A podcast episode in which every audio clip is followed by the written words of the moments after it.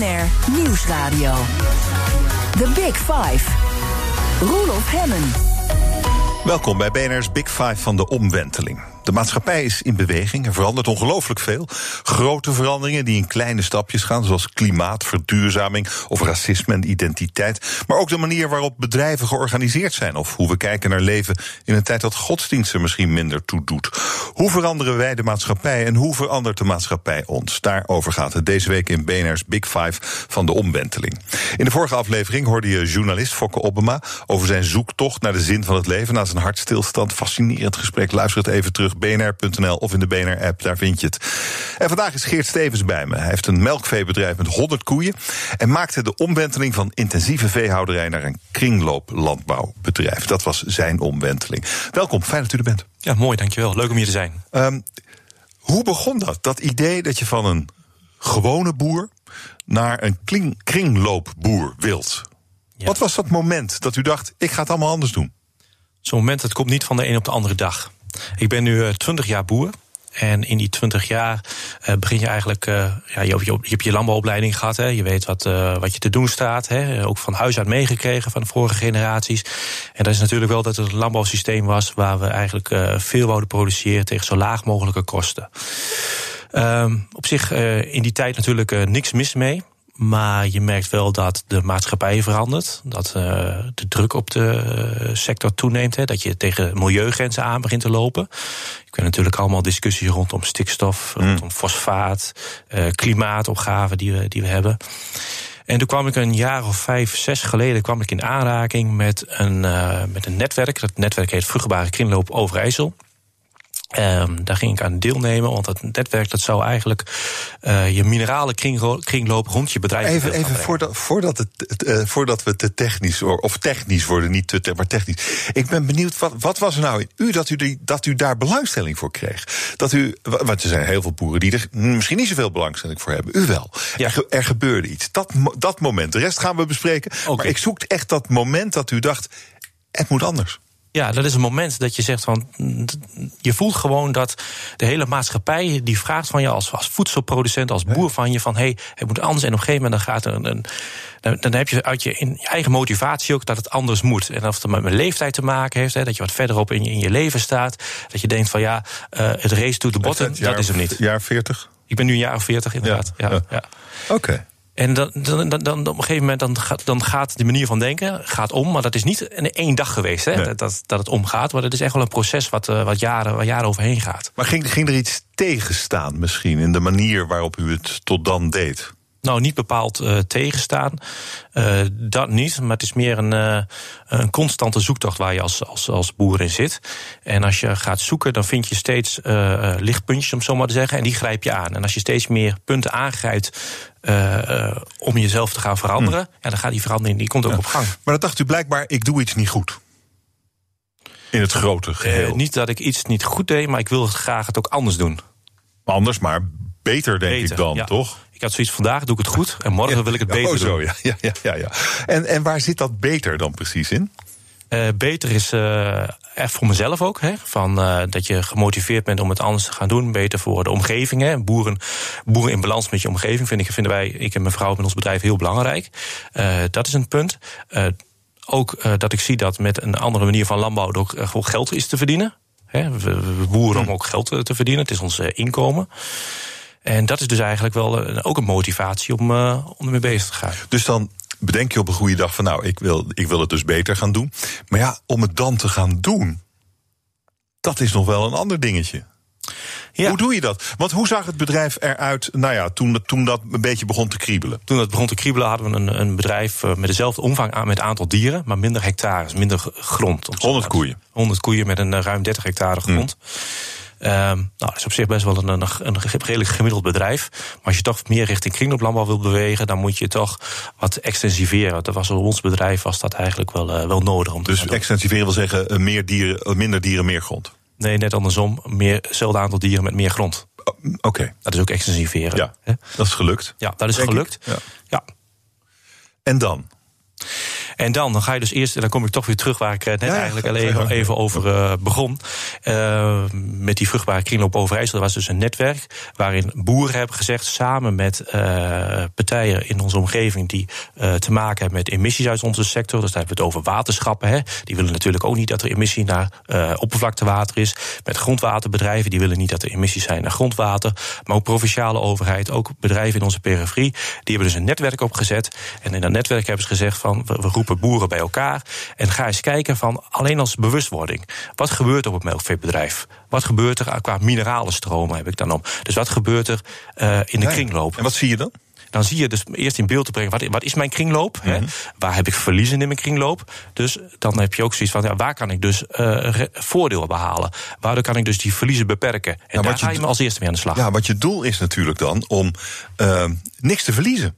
Nee, dat je min mogelijk een, kringetje maakt. Uh, en wat het eigenlijk, ja, als ik er als, als leek naar kijk, denk ik, zo'n zo'n koe geeft melk, daar heeft hij eten voor nodig. Nou, als je dat eten op je eigen land kunt laten groeien, is dat al winst. Precies. Die koe die scheidt dat weer uit. Ja. Dat rij je weer als mest op je land. Dan komt er weer mooi gras. En, dan, en zo, dan heb je een kringloop bij. Dan heb je Klinkt eigenlijk best dan simpel. heb je de kringloop helemaal rond. Dat klopt. Dat zo, zo moeilijk is het allemaal niet. Dat zeggen boeren ook altijd tegen mij. Dus heb ik zelf gezien. Wij doen al jaren, sinds dat de boeren zijn, doen wij al aan kringlooplandbouw.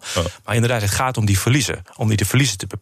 Want en dat zal ons nooit helemaal gaan lukken, want de definitie van kringlooplandbouw is dus precies teruggeven wat je ook haalt uit de kringloop. Maar wij leveren dus melk af hè, aan onze melkfabriek. Die maakt hele mooie producten van. Maar dat leveren wij dus af. Dus wij verliezen aan de ene kant verliezen wij dus eigenlijk mineralen uit onze kringloop. Dat is op zich niet erg. Aan de andere kant voeren wij weer wat toe aan kunstmest. Maar als je de kringloop helemaal zou willen sluiten, dan zou je ook aan de gang moeten met, dat klinkt heel raar, maar met mensenmest. Werkelijk? Ja. Uh, nou, Toch? Kan dat niet? Nou, daar zitten dus heel veel haken en ogen nog aan. Want als je kijkt wat er bij de rioolwaterzuiveringen, want daar, daar zou je dat slip of zoiets op moeten halen. Ja, wat, wat wij allemaal tot ons nemen. Als je ziet wat een medicijngebruik is in humane gezondheidszorg. Ja, Doe maar niet dan, denk ik. Dat is inderdaad heel spannend om daarmee aan de gang te gaan. Maar is er, we hebben toch geen tekort aan mest in Nederland? Kan je het niet eh, ergens anders vandaan halen? Nee, nee. Nou, wat wij nu, nu eigenlijk nu nog doen, is dat wij dus uh, kunstmest gebruiken. En wat heel veel boeren eigenlijk zouden willen, is dat wij dus uh, meer mest van onze eigen dieren kunnen gebruiken op ons land. Daar zitten ook grenzen aan. Wij zijn zelfs op dit moment nog dat wij mest van onze dieren nog af moeten voeren naar een andere boer, een akkerbouwer. En kunstmest aan moeten kopen. En dat is zo'n rare manier. Waarom is dat? Ja, dat is de wet, zo zit de Nederlandse wetgeving in elkaar. Want wij zijn altijd gewend in Nederland om steeds maar problemen op te lossen. Hè. Uh, ik noem het fosfaatprobleem, stikstofprobleem, uh, nitraatgehalte in het grondwater, om dat op te lossen met wetgeving. Maar eigenlijk zou je er naartoe moeten dat je de boer uh, weer zelf verantwoordelijkheden geeft. Dus niet naar doel met doelmaatregelen geeft en geen middelmaatregelen. Dus je moet eigenlijk, maar dit, snap ik nou goed, dat je eigenlijk, je hebt, hebt meer dan genoeg mest, alleen het mag niet op uw eigen land. Dat klopt. En dat is een regel? Dat is een regel. Dat heeft te maken met uh, Nederlandse en Europese uh, wetgeving. dat je een bepaalde hoeveelheid mest maar op je eigen land mag, uh, mag uitgeven. En als u het nou die regel zou negeren, wat dan? Nou, dan, ja, dan staat direct de NVWA oh ja? op de deur. Ja, bekeuring. Bekeuring, ja, precies. maar, maar, wat, ik, ik, maar, wat ik eigenlijk zou willen, is dat ik dus minder kunstmest mijn bedrijf ga gebruiken. Ja, en meer dierlijke mest. Ja, en, oké, okay, dan staat die regel in de weg. Er staat dus de wetgeving in de weg. Ja. Maar ja, we hebben een minister die, die roept al jaren: wij moeten naar kringlooplandbouw. Dat is precies wat u doet. Ja. En door een regel van diezelfde minister kan het niet. Nee, dat heeft minister Schouten inderdaad. Die heeft vorig jaar een visie gepresenteerd over kringlooplandbouw. En dus die zegt dus uh, heel duidelijk: van, nou, we moeten die kant op.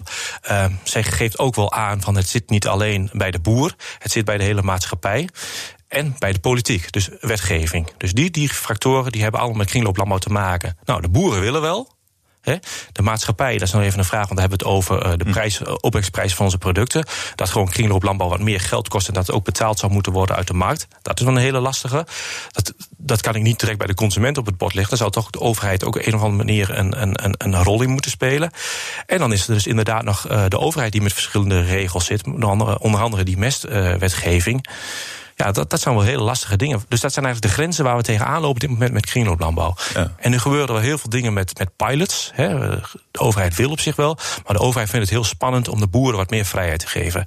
En ik heb zoiets van: als jij hetzelfde beleid gaat voeren wat je de laatste jaren hebt gevoerd, krijg je ook dezelfde uitkomst. Dus als je echt een verandering daarin wilt, zul je ook als wetgever zou je daar ook gewoon wat ambitieuzer in moeten zijn. Ja, maar zij wil dat.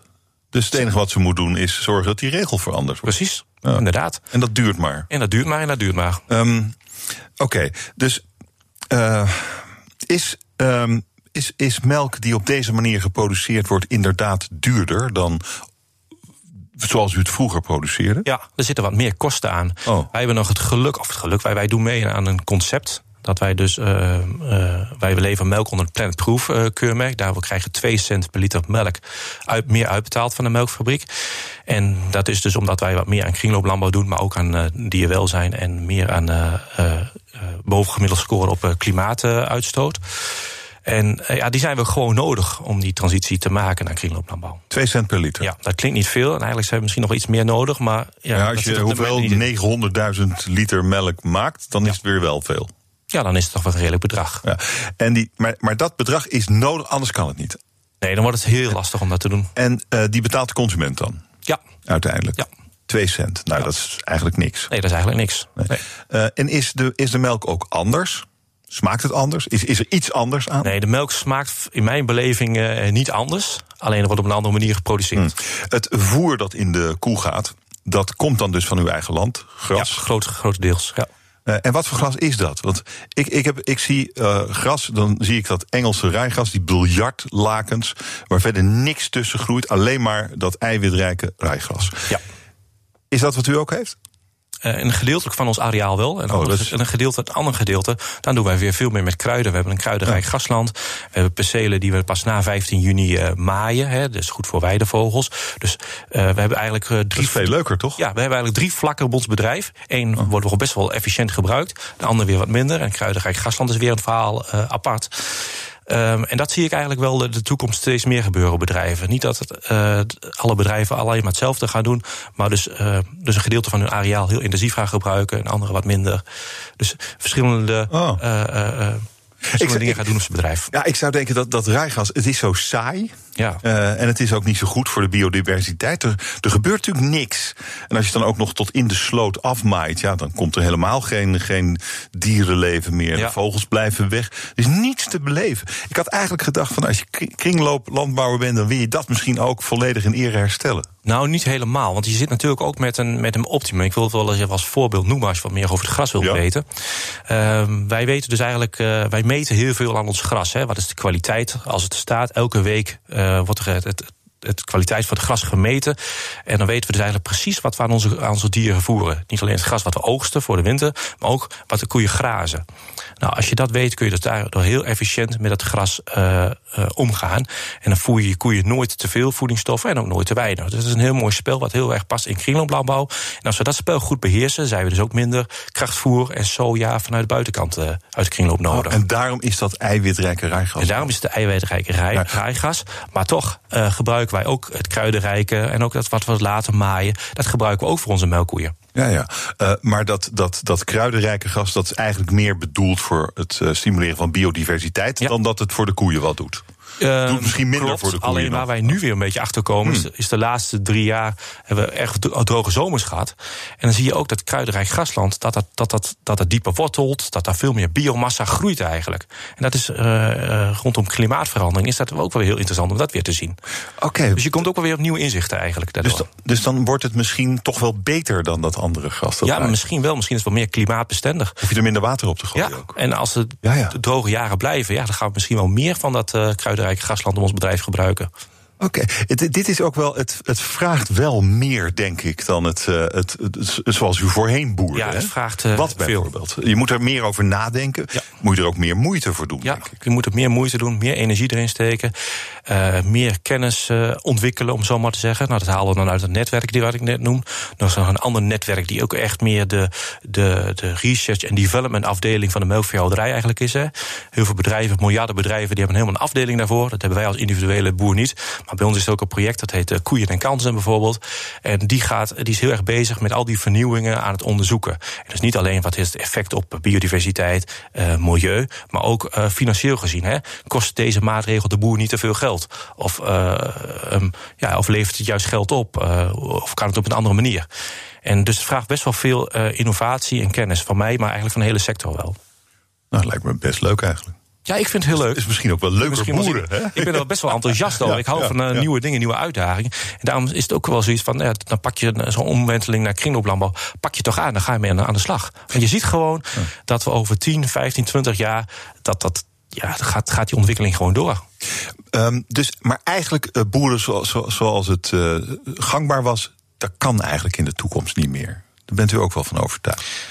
Um, als we teruggaan, ga ik een heel eind terug naar de Tweede Wereldoorlog. Hè. Er was honger in Nederland. En er werd, uh, is, is de landbouw heel erg gestimuleerd om te gaan produceren. veel produceren tegen lage kosten. Nooit meer honger. Dat was eigenlijk het verhaal in, in, in Europa. Ja, en veel export. Eh, ja, inderdaad. Dat systeem ging zo goed werken dat wij veel gingen exporteren. Toen zag ik gisteren nog cijfers dat we eigenlijk netto nog steeds voedselimporteur zijn. Hè. Want we exporteren wel heel veel uh, zuivel, uh, vlees, eieren, dat hele verhaal. Maar aan de andere kant, we kopen ook bananen en mandarijnen en andere producten weer terug. Hè. Mm. Dus het is een samenspel. We, in, we zitten in een hele voedselrijke delta. Nederland is gewoon heel erg geschikt om vlees en zuivel te produceren. Ja, wat minder rijst en andere dingen komen weer van andere gebieden in de wereld. Dus dat is een, een samenspel heen en weer. Um, je vroeg net van ja, in de toekomst moeten we er allemaal naartoe. Ja. Ik probeer te schetsen van de ontwikkelingen van de laatste decennia. Um, dus dan zie je dat inderdaad het, systeem is heel snel gaan werken. Er wordt veel, op dit moment ook veel geëxporteerd. En uh, nou, toen in de jaren negentig kwam er eigenlijk al een beetje een beweging van... ja, willen we dit wel? We lopen tegen grens aan, tegen milieugrenzen aan. Toen kwam bijvoorbeeld al het emissiearm... Uh, aanwenden van mest kwam al. Dat heeft al heel erg geholpen in reduceren van emissies. En nu zitten we weer in een, in een, in een, volgende uh, traject eigenlijk. Dat we zeggen van ja, we kunnen daarin misschien nog wel, wel verder terug. En dus moet het systeem nog verder veranderen. Ja, en daar zit u nou eigenlijk op dat punt. Ja. Na een jaar vijf, zes, hè? Ja. Zo'n beetje. Uh, maar optimaal is het dus nog niet. Nee, zeker niet. Het is nog lang niet af. Nee. Um, dus, maar je, uh, waar meet je het aan? Meet je het uiteindelijk, denk ik, aan de mate van uitstoot? Ja, op verschillende manieren. Ja, maar dan denk ik toch, ja, een koe blijft een koe. Ja. En die blijft gewoon uh, van alles uitstoten. Ja. Want dat doet een koe. Ja. daar win je dus niks op. Waar Zeker wel. Waar, Oh, ja, daar kun je ja, heel veel op winnen.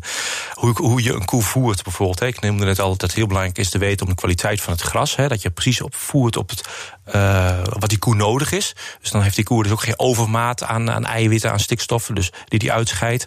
En hetzelfde geldt voor als je een koe uh, goed voert, dan, geeft die, uh, dan stoot hij minder CO2 uit. Dus dat zijn allemaal onderzoeken die lopen.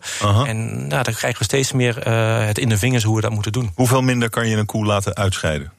Als we het hebben over. Uh, er zijn onderzoeken op dit moment over CO2-uitstoot. Dan hebben we het vooral over methaan. Dat komt vrij mm -hmm. koers en herkauwen. Dus uh, bij ruwe celstofverwerking komt methaan vrij. Dat is een zwaar klimaatgas. Ja, er zijn wel onderzoeken dat, dat ze nu kunnen aantonen dat we de 20% daarin kunnen reduceren. En als je dan zo'n koe. kijk je dan per koe hoeveel erin moet? Nou, wij, sommige, sommige boeren doen dat ja. inderdaad per koe. wij, wij managen het meer op koppelniveau. Ja. Koppel. koppel. En een koppel is de, oh, de, hele groep. De hele groep. De, groep de 100, de 100 ja, uh, 100 dames. En, uh, en hoeveel is er dan nog nu te winnen? Hè? Na, na vijf, zes jaar uh, kringloopboeren. Ja. Wat is er dan nu nog te winnen om bij het doel te komen? Ja, nou, er is best nog wel wat te winnen. Maar ik merk wel dat wij in ons bedrijf het laaghangend fruit, om het zo maar te zeggen, hebben we al te pakken. Dat zijn de dingen die ik in de laatste vijf jaar heb geleerd, ook in het netwerk. Heb je dat al, uh, hebben we dat al wel te pakken. Um, en er is zeker nog wel wat te halen, alleen nog wat steeds lastiger. En je begint dus tegen die grens aan te lopen, wat ik net noemde, over die wetgeving waar je tegenaan loopt. Wij zijn dus ook uh, bijvoorbeeld, nu mogen 80% van ons land moet grasland zijn en 20% mag akkerland zijn. Hm. Als ik eiwitrijke gewassen wil verbouwen op mijn land, zodat ik minder aan hoef te kopen, ja, dat, dat, ja, die verhouding uh, die past me eigenlijk helemaal niet. Dus ik wil ook van die regel af. Hoe wat zou de verhouding beter kunnen zijn? Nou, die wil ik eigenlijk wel heel uh, flexibel hebben eigenlijk. Dat ik het elk jaar zelf mijn bouwplan ja. aan kan passen... naar weersomstandigheden, naar, naar, naar productie. Naar... Maar hoe zou je dat dan doen in de praktijk? Wat zou, het dan, wat zou er voor gewas nog extra op moeten komen? En nou, waar nou, zit die variatie dan, dan in? Dan zou de variatie kunnen zijn dat ik bijvoorbeeld één jaar zeg... van de grasoogst is de afgelopen jaren minder. Dus dit jaar ga ik wat meer gras stelen... Mm -hmm. En als ik weer genoeg voorraden heb, ga ik wel weer meer mais stelen. Of ik ga juist een ander gewas stelen die weer meer eiwit geeft, zoals uh, uh, bonen of, andere producten. En eh, daar, ik, ja, ik denk dat er een regel is die dat in de weg staat. Ja, klopt. En dat, dat merk je nu met het fine-tunen. Uh, loop je gewoon tegen die regels allemaal aan. Ja. Uh, maar als je nou met dit verhaal naar het ministerie gaat... en zegt, ja, ik, ik doe eigenlijk alles goed... maar jullie houden mij tegen. Klopt. Wat krijg je dan te horen? Nou, ik, kom, ik ben inderdaad afgelopen voorjaar uitgenodigd op het ministerie. Het ministerie is bezig op de herbezinning van het mestbeleid. Mocht ik daar ook een verhaal houden over kringlooplandbouw. En heb ik al deze punten ook eigenlijk wel, uh, wel aangegeven. En ja ik snap het wel, het zit complex in elkaar. Die wetgeving die in het verleden is gemaakt, die is niet voor niks gemaakt. Hè? Bijvoorbeeld die 80% eh, grasland en 20% mais heeft te maken met, uh, met de uitstoot van nitraat naar het grondwater. Op grasland is dat gewoon heel laag. Dus bedrijven die veel grasland hebben, dat is goed voor de nitraatuitstoot naar het grondwater. Dus die, ik snap wel dat dat is, is, is gezet. Alleen nu zien we gewoon dat we dus best wel die grenzen, of hoe moet ik zeggen, die uitstoot naar een bepaald niveau hebben gebracht. Dus laag genoeg. Dus nu is volgens mij het moment ook van het ministerie om te schakelen naar, uh, wat ik net zei, naar de doelen, naar doelmaatregelen en niet naar middelmaatregelen. Alleen, zij vinden het dus heel spannend om dat te doen, om boeren dat, die verantwoordelijkheid te geven. Dat merk ja, je gewoon. Maar kringloop is toch over dat nitraat. Oké, okay, er komt nitraat in, uh, maar dat komt er dan toch ook weer uit? Dat is toch het idee van kringloop? Klopt, als je het netjes dus doet. ja, dan, dan is, wat, waar is dan het probleem nog? Ja, nou, dat vraag ik me dus ook wel eens af. Maar wat zeggen ze dan daar? Dan zeggen ze dat, dat, ja. dus dat het blijkt uit cijfers dat. We vinden het te moeilijk. Wij vinden het te moeilijk. Wij willen, wij willen graag uh, de wetgeving zo strak houden. Wij willen boeren geen ruimte daarin geven. Ja, maar, maar dan, dan kan kringlooplandbouw toch niet? Nee, en dat is dus ook mijn probleem een beetje. ja. Dat je dus tegen de grenzen aanloopt van, van wetgeving op dit moment. Ja, maar ik, ik zit hier naar een hele kalme, rustige man te kijken. Ja, terwijl ik, ik, maak me hier druk om. Ja, ja, dat is wel gek eigenlijk. Klopt. Waar, waar zouden we met, met, met, elkaar misschien wat drukker over moeten maken. Ja. Is dat het? Dat denk ik wel. Um, uh, kringlooplandbouw, elke boer wil, wil dat eigenlijk wel. Hè? Die, alleen, hmm. ja, je, zit, je zit een beetje gevangen eigenlijk. Ja, maar ik zou niet snel genoegen kunnen nemen met het antwoord van het ministerie. Als ik in uw schoenen zou staan. Nee, nee, en daarom proberen wij dus ook met het netwerk zoals de Koeien en Kansen is zo'n netwerk, te proberen wij dingen te onderbouwen. Dat we zeggen van hé, hey, het kan wel anders. En geef ons eens wat ontwikkelingsruimte, geef ons wat experimenteerruimte. Om het ook anders te doen, dan zullen wij laten zien dat het ook anders kan. Ja, maar de baas van het ministerie, minister Schouten, die wil wat, wat jullie doen, dat Precies, wil zij. Zij wil naar En dan, staat er, dan staan er dus ambtenaren bij de deur die zeggen: nee, nee, meneer Stevens, dat doen we niet. Ja, precies. Dat is op dit moment het, het, het, het manco van de omslag naar kringlooplandbouw. Mijn gast in BNR's Big Five van de omwenteling is kringlooplandbouwer Geert Stevens. Nou, hij vertelde net over alle problemen die er toch nog wel mee zijn. En de vraag is natuurlijk ook: is dit wel een leuk systeem? Is het misschien voor een paar milieubewuste boeren uh, van belang? Of kan ooit de hele sector hierop overstappen? En hoe dan? Daarover praten we straks. Blijf bij ons. BNR Nieuwsradio. The Big Five. Roelof Hemmen. Welkom bij het tweede half uur van BNR's Big Five. Fijn dat je luistert. Deze week vijf kopstukken over de omwenteling in hun leven, professioneel of privé. En vandaag is mijn gast melkveehouder Geert Stevens. Hij werkt nu een jaar of wat volgens het principe van kringlooplandbouw. Hij is nog niet waar hij wezen wil. Het blijft een dagelijkse zoektocht. Maar wat hem vooral dwars zit, is de regelgeving. U stond een jaar, oh nee, een maand of wat geleden, ik denk in oktober, op het Malieveld. Met een trekker. Ik stond wel op een Malieveld, maar zonder trekker. Oh, ja. uh, hoe boos was u toen? Um, ja, best wel boos eigenlijk. Waarom? Ja, en ook meer teleurgesteld eigenlijk. Dat was eigenlijk misschien nog. Uh, soms is dat nog erger, hè, als iemand uh, zegt van ik ben teleurgesteld ja, ja. in plaats van boos. Um, dat had te maken met um, de druk op de sector, met name de politieke druk. Um, Uh, ik zei net al, we lopen tegen grenzen aan. En steeds wordt er dus een brandje geblust door weer een wetgeving eroverheen te gooien. Weer in overheen te gooien. En als er dan ook nog een Kamerlid is, een Kamerlid van D66, die zegt van uh, we kunnen wel met de helft van de veestapel toe. De helft van de boeren moet maar vertrekken. Ja, dan, uh, dan schop je boeren tegen het zere been. En wat er toen gebeurde is dat boeren dus, ja, door zulke uitspraken van, van D66, is er ook een coalitiepartij, die dan dat boeren dan ja, een beetje angstig worden. Dat ze zeggen van ja, maar wat betekent dat, dat voor mijn toekomst? Is mijn toekomst als boer, als gezinsbedrijf, nog wel zeker? Nou, en die uh, onzekerheid, die woede, die, die, die uitte zich eigenlijk echt op 1 oktober op, op het Malieveld. Maar be bedreigt dat u ook? Ik maak, me, ik maak me daar wel zorgen over, inderdaad. Hmm. Ja, ja. Het is niet dat ik uh, woest ben en dat ik het, uh, de toekomst helemaal zwart inzie. Maar ik maak me daar wel zorgen over. En dan gaat het vooral om de politieke uh, waardering voor de sector. Helemaal niet van de maatschappij. Want de maatschappij, ja, 90% van onze maatschappij staat achter de boeren. Dat zagen wij toen ook wel, hè, rond die 1 oktober manifestaties. Dat, boer, dat heel veel mensen sympathie daarover uitspraken. Maar echt richting de politiek denk ik wel eens van ja, als je het dan net, net ook hebt over naar het kringlooplandbouw. Ja. De politiek houdt ja, tegen, die doet er heel moeilijk over. Ja, dan is vertrouwen in de politiek, die, die zakt bij mij was echt tot uh, in de schoenen. Maar um, als je nou even voorbij die woede kijkt, zit er niet ook gewoon een punt in? Hebben wij niet gewoon veel te veel intensieve landbouw in dit kleine landje? Dat uh, ten koste gaat van natuur, uh, biodiversiteit, noem het allemaal maar op. Wordt er ook niet veel te veel gif overheen gegooid? Er wordt niet veel te veel uitstoot van allerlei soorten.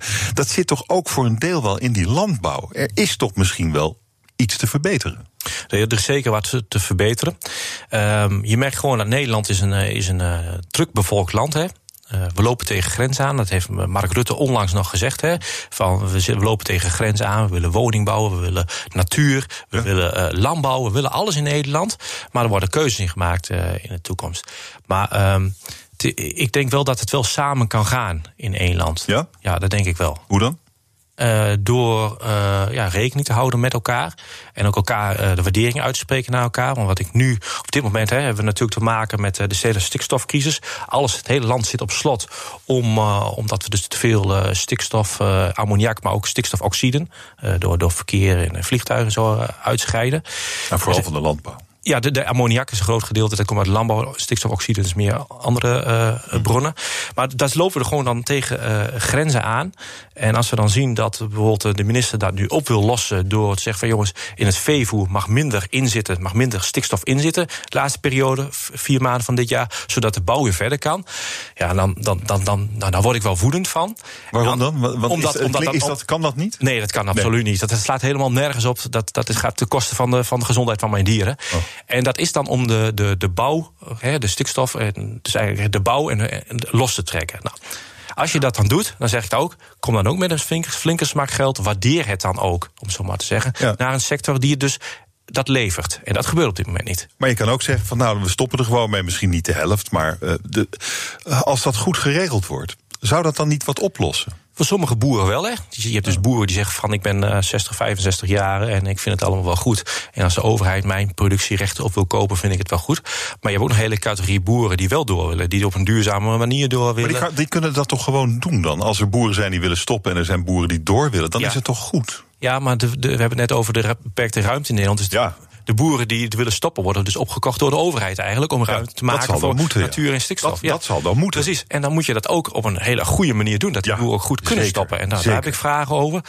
Maar ik vind ook dat er nog een perspectief moet zijn voor, voor de jongere boeren. Die dus wel door willen. En natuurlijk op een duurzamere manier. Dat sowieso. Maar die ook door willen. Maar je bent zelf begonnen met kringloopland. Ja.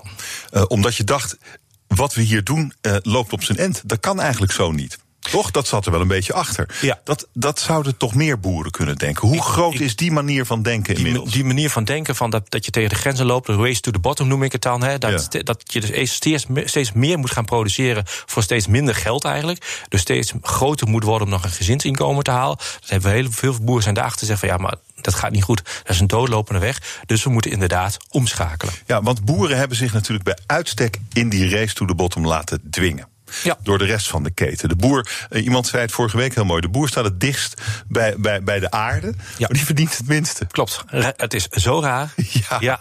Eh, misschien is dat het wel. Als je als je dat beter op kunt lossen, dat je gewoon meer krijgt voor je product als boer, dan, is, dan zijn we al een deel van die, van die drang om steeds maar te intensiveren kwijt. Precies, dat is eh, de oplossing. Dat heeft Schout ook wel gezegd in de hmm. kringloopvisie. Van, uh, er moet van alles gebeuren. Maar hoe doe je dat zelf? Er moet ook wat gebeuren in, in een maatschappij dat er dus inderdaad meer waardering komt. En dan niet een duimpje omhoog, maar ook financiële waardering komt. En hoe ik dat zelf doe, is dus het geluk hebben wij dat wij dus mee kunnen doen met die aparte melkstroom. Dat we dus extra inkomsten genereren. Die paar 2 cent per, per liter melk.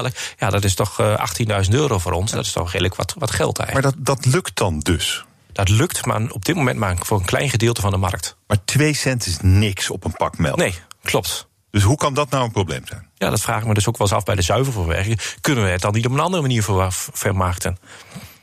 Wat zijn je ideeën daarover? mijn ideeën daarover zijn, ja, ik vind het heel lastig, maar dat je. Ehm, ehm, ik denk dat de, de, overheid daar wel een rol in heeft. En dan heb ik het niet over dat ze het geld moeten financieren. Maar het gaat vooral om, om wetgeving als je het over mededingingsregels hebt. Wij mogen dus daar ook geen afspraken over maken.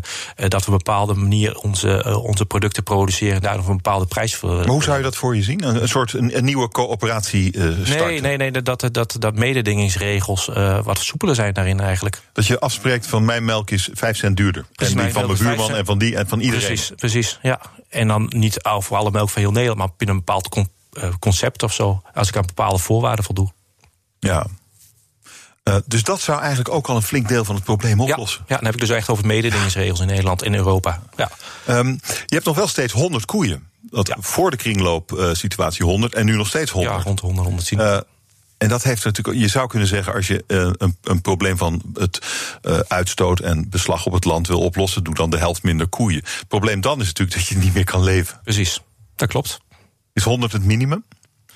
Um, ja, dat idee heb ik wel een beetje. Ja. Of je moet nog wat andere neveninkomsten bij hebben als boer. Maar 100, dat, uh, met 100 koeien moet je het op zich wel kunnen verdienen. Hmm. Ja. Um, en dan als je kijkt naar grotere boeren, de, de grote stallen, de grotere bedrijven. Ja. Er zijn boeren, ook boeren met, met, met honderden koeien. Ja. Uh, kunnen die ook uh, op een kring, kringloopmanier werken? Jazeker wel, waarom niet? De schaal is niet, uh, nee? het heeft niks met, met kringloopgedachten te maken. En, en ik heb een vriend die heeft 180 koeien ongeveer. Ja. Maar ja, die levert ook melk onder dat keurmerk met dezelfde voorwaarden en alles. Dus, dus dat kan ook. Ja. Het kan allemaal wel. En, want er wordt vaak wel apart tegen aangekeken. Als je kijkt naar andere sectoren, bijvoorbeeld de varkenssector, hè, daar zie je ook grote stallen met veel dieren erin. Maar ja, die, die zijn ook heel erg al heel lang bezig met kringlooplandbouw. Als je ziet wat die dus uh, aan uh, wat dus uh, de reststromen uit de humane voedselindustrie, die hun dus eigenlijk daar verwerken, oh ja, ja. dus opnemen. Dus varkens worden minder soja gevoerd, maar meer afval van de koekjesfabrieken en weet ik veel wat allemaal. Um, dan is dat ook al een soort van omslag naar kringlooplandbouw. Dus in elk hmm. gedeelte van onze landbouwsector gebeurt dat. Het gebeurt in de intensieve veehouderij, maar het gebeurt ook in de akkerbouw en het gebeurt in de melkveehouderij. Ja. Dat is wel heel mooi om te zien. Maar jouw koeien lopen denk ik veel buiten. Ja. Uh, die varkens zitten de hele dag binnen. Ja. En de trend is misschien wel om, om, om ze nog groter en het systeem helemaal gesloten te maken. Er zit, zit ook wel, moet je nu ook een beetje rekening houden met uh, wat een dier nodig heeft? Ja, dat klopt. Alleen dan kom je weer met, uh, hoe moet je zeggen, dan loop je weer tegen andere grenzen aan. Dat je zegt van, uh, mijn varkens moeten buiten, maar die zijn weer, uh, daar weer gevoelig voor ziektes. Ben ik weer meer antibiotica nodig. En mm. Uh, daar zijn we ook uh, gebonden aan regels. Dus dat valt allemaal niet zo mee. Zeg van doen alle varkens in Nederland uh, naar buiten. Zo simpel is het allemaal. Ja, niks is simpel. Niks is simpel in dit systeem. En dat, dat, dat, dat, aan de ene kant baal ik daar wel eens van. Ja. Aan de andere kant is dat ook wel weer uitdagend. mijn gasten stellen elkaar kettingvragen. Ja. en in de vorige aflevering was journalist Fokke Obama hier. Hij overleefde een hartstilstand. Dat bracht grote veranderingen in zijn leven teweeg. En had deze vraag voor u. Luister. Ja, ik ben heel benieuwd of hij denkt dat het nieuwe normaal vooral zal lijken op het oude normaal. En uh, waarom hij dat denkt. Of waarom hij dat niet denkt. Nou, dit heeft natuurlijk alles te maken met de coronacrisis waar we nu in zitten. Um, je, je, zou kunnen zeggen, in het begin van de crisis dachten we misschien van, nou nu wordt alles anders, anders wordt nu beter. We hebben nu belangrijke lessen geleerd over het leven, over de natuur, over duurzaamheid. Ik weet niet. Wat denk je? Ja, wat zien we als ik nu op straat. Uh, hier, ik, hier vanmorgen naartoe reed, ik stond al even in de file. Het is hier ook in Amsterdam weer redelijk druk op straat. Dan denk ik van. Ja, het nieuwe normaal. Uh, ik, ik, zie het nog niet echt. We houden wat afstand, meer afstand tot elkaar. En dat is natuurlijk met de coronacrisis. Hè, dan heb je van op de ene andere dag was een lockdown. Nu schakelen we weer een beetje terug eigenlijk. Maar als je dan kijkt naar kringlooplandbouw en het oude en het nieuwe normaal, waar de vraagsteller het eigenlijk een beetje ja. over heeft Um, dan is dat niet zo heel zwart-wit. Um, als ik uh, dus twintig uh, jaar terugkijk, toen ik begin met boeren. En nu is het, is, is het heel anders. Over twintig jaar is het weer heel anders. Dus um, ja, wat is het nieuwe normaal? Het nieuwe normaal heeft te maken met uh, de verandering en de snelheid waarmee die verandering plaatsvindt. De landbouw verandert, alleen dat gaat niet heel snel. Hè, snap je? Dat, gaat gewoon bijna een generatie overheen. Dat je kunt zeggen van hé, hey, het is nu heel anders als 20 jaar geleden. Dus het nieuwe normaal um, en het oude normaal, als je hebt over het oude normaal 20 jaar geleden. En nu is het heel anders. En over 20 jaar geleden is het echt heel anders. Alleen ding weet ik wel zeker, is dat uh, veranderingen in de landbouw steeds sneller gaan. Dat is de enige zekerheid uh, die we hebben. Hoe komt dat dan? Uh, ja, dat merk je gewoon name ook druk uit de maatschappij, denk ik. Er wordt veel gevraagd van boeren. Uh, eerder was het, uh, ik ben vijf, zes jaar geleden was die druk echt minder. En ben ik aan de gang gegaan met optimaliseren van mijn mineralen, kringloop en al die dingen meer. En op een gegeven moment word je er ook door gedwongen, hè? Uh, door de overheid, door je zuivelfabriek. Die vraagt nu dus een, kringloopwijzer. Hè. Dat is dus hoe je het allemaal in beeld brengt en ziet waar de verliezen zitten. Vragen ze gewoon van je. Hoe doe je dat en wat zijn je, je, je, je, verliezen? En misschien wordt het in de toekomst zelfs wel, wel wetgeving. Dus dan word je. Ehm, ja, ook eigenlijk een beetje gedwongen. En dat gaat eigenlijk steeds sneller eigenlijk. Um, is, maar goed, is, is het echt een groot bestanddeel van wat wij consumeren, uh, wat door kringlooplandbouw geproduceerd wordt? Is het al veel? Uh, dat weet ik het niet. Denk het eigenlijk niet. Geen idee. Ik denk dat het meeste toch gewoon zoveel mogelijk voor zo weinig mogelijk ja, is. Dat, dat zou kunnen. Ja, waar ik dan over gaat over die melk die we produceren, is ongeveer 10% van, uh, van de melk in Nederland. Dat is natuurlijk niet zo heel veel. BNR Nieuwsradio. The Big Five. Roelof Hemmen. Fijn dat je luistert naar BNR's Big Five van de omwenteling.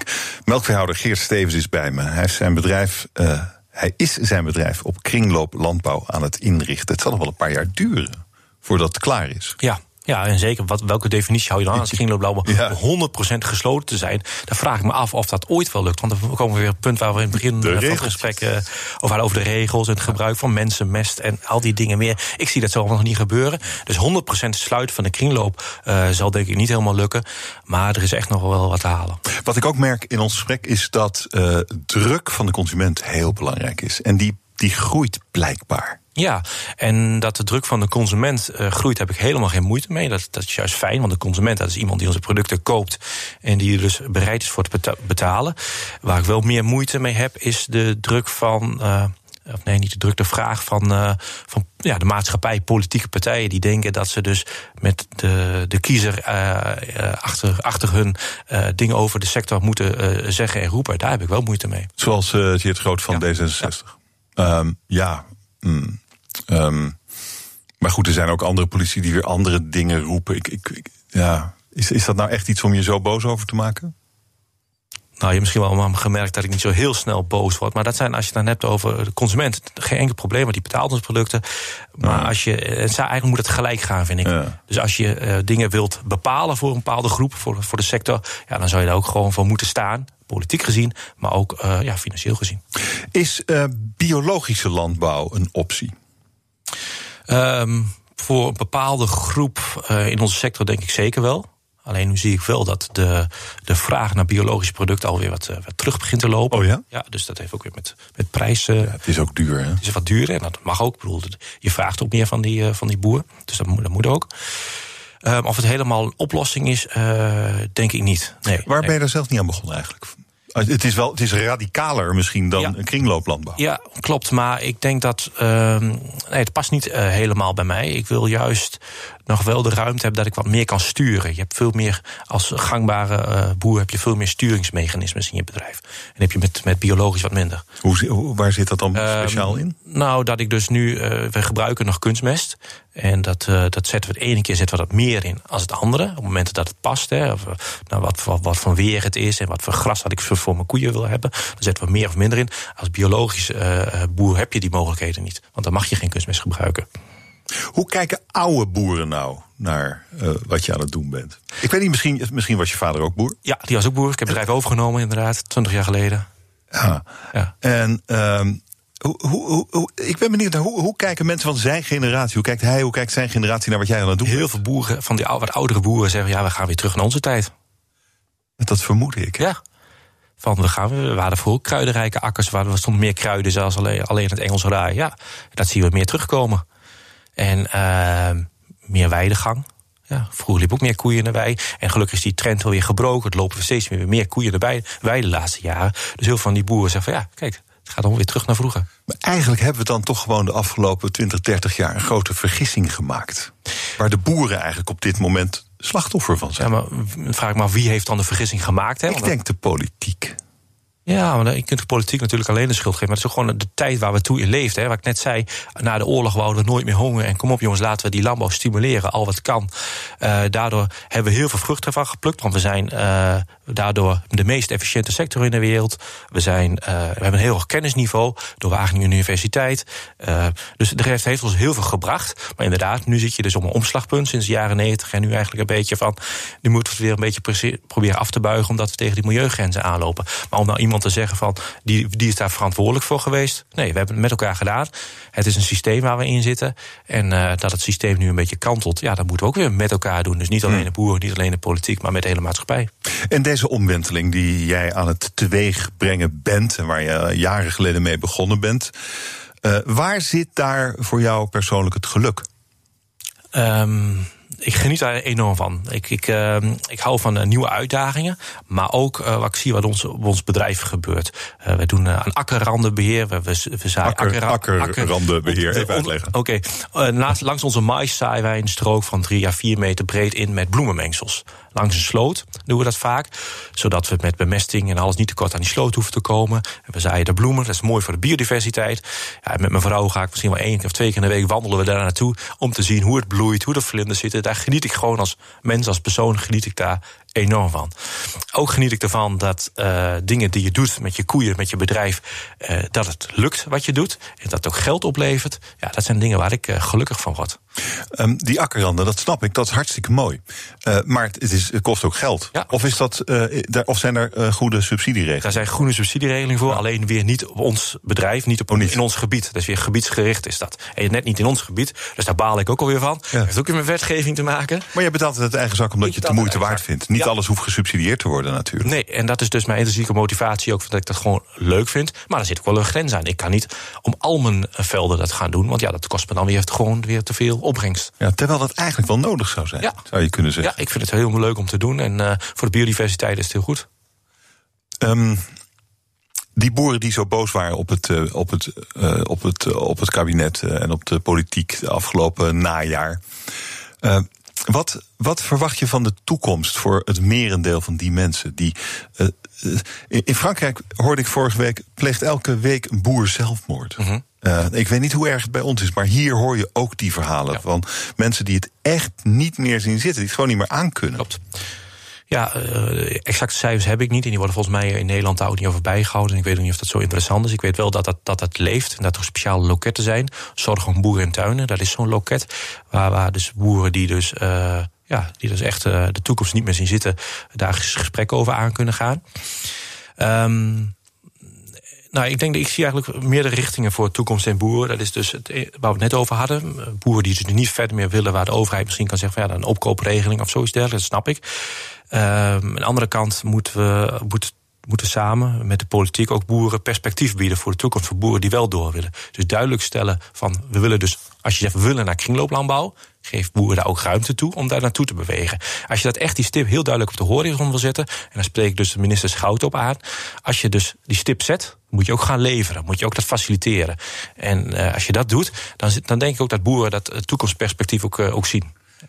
Ik vind wel, jij hebt niet gewacht. Jij hebt zelf de uitweg gevonden. Ja, in ieder geval. Dat kunnen die anderen toch ook doen? Ja, dat doen ook heel veel boeren. Ja. Dus het netwerk waar ik het net over had, er zitten ja, ja. 300 boeren in Overijssel in. Die zijn daarmee aan de slag. Ja, van de hoeveel? Ja, nee, dat klopt. En, en er zijn meer van die netwerken in Nederland hoor. Die ook, ook, in de achterhoek en ook in Noord-Nederland. Dus er gebeurt echt wel wat. En, uh, en daarom probeer ik ook, zoals nu in deze uitzending, als ik daar wat enthousiast over kan vertellen, dat horen andere mensen dan ook. Dan kan andere mensen ook weer inspireren om ermee aan de slag te gaan. Mm. Uh, kinderen? Ja, drie. Opvolger? Dat weet ik niet. Nee. Nee? Nee, dat weet ik niet. De oudste is uh, 13. Uh, dus uh, ja, ik weet niet of, de, of, of, of, mijn zoon of mijn dochter het bedrijf over gaan nemen. Um, nee, ja, dus voor mij onzeker.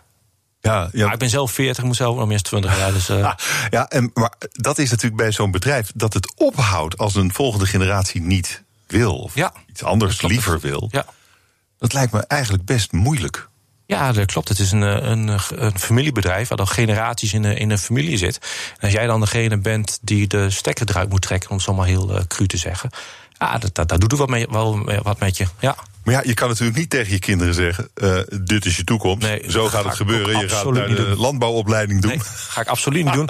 Want boeren, daar moet je uh, passie uh, voor hebben. Je moet er heel veel lol en ik moet er 200% voor gaan. En dan weet ik ook zeker dat iedereen het, het gaat lukken. Ja. Maar als je dat niet hebt, dan begin er absoluut niet aan. En jij moet het nu zo goed mogelijk klaarzetten voor de toekomst. Dat is natuurlijk ook wat je doet met een bedrijf dat je overgeeft. Hè? Ja, op, dat kun je op verschillende manieren doen, maar dat, dat klopt. Daar heb ik wel een idee over. Ja. Um, mijn gasten stellen elkaar dus vragen via de kettingvraag. Je hebt er een gehad. Mijn volgende gast is Allard Drosten. Ooit een uh, klassieke manager. Totdat hij op een gegeven moment bedacht... nou, ik uh, kap ermee. Ik, uh, ik ga in mijn bedrijf al die klassieke rollen gewoon wegdoen. Iedereen krijgt veel meer zeggenschap. En ik ben benieuwd naar jouw vraag aan hem. Ja, ik vind het, vond het wel mooi, interessant om te lezen.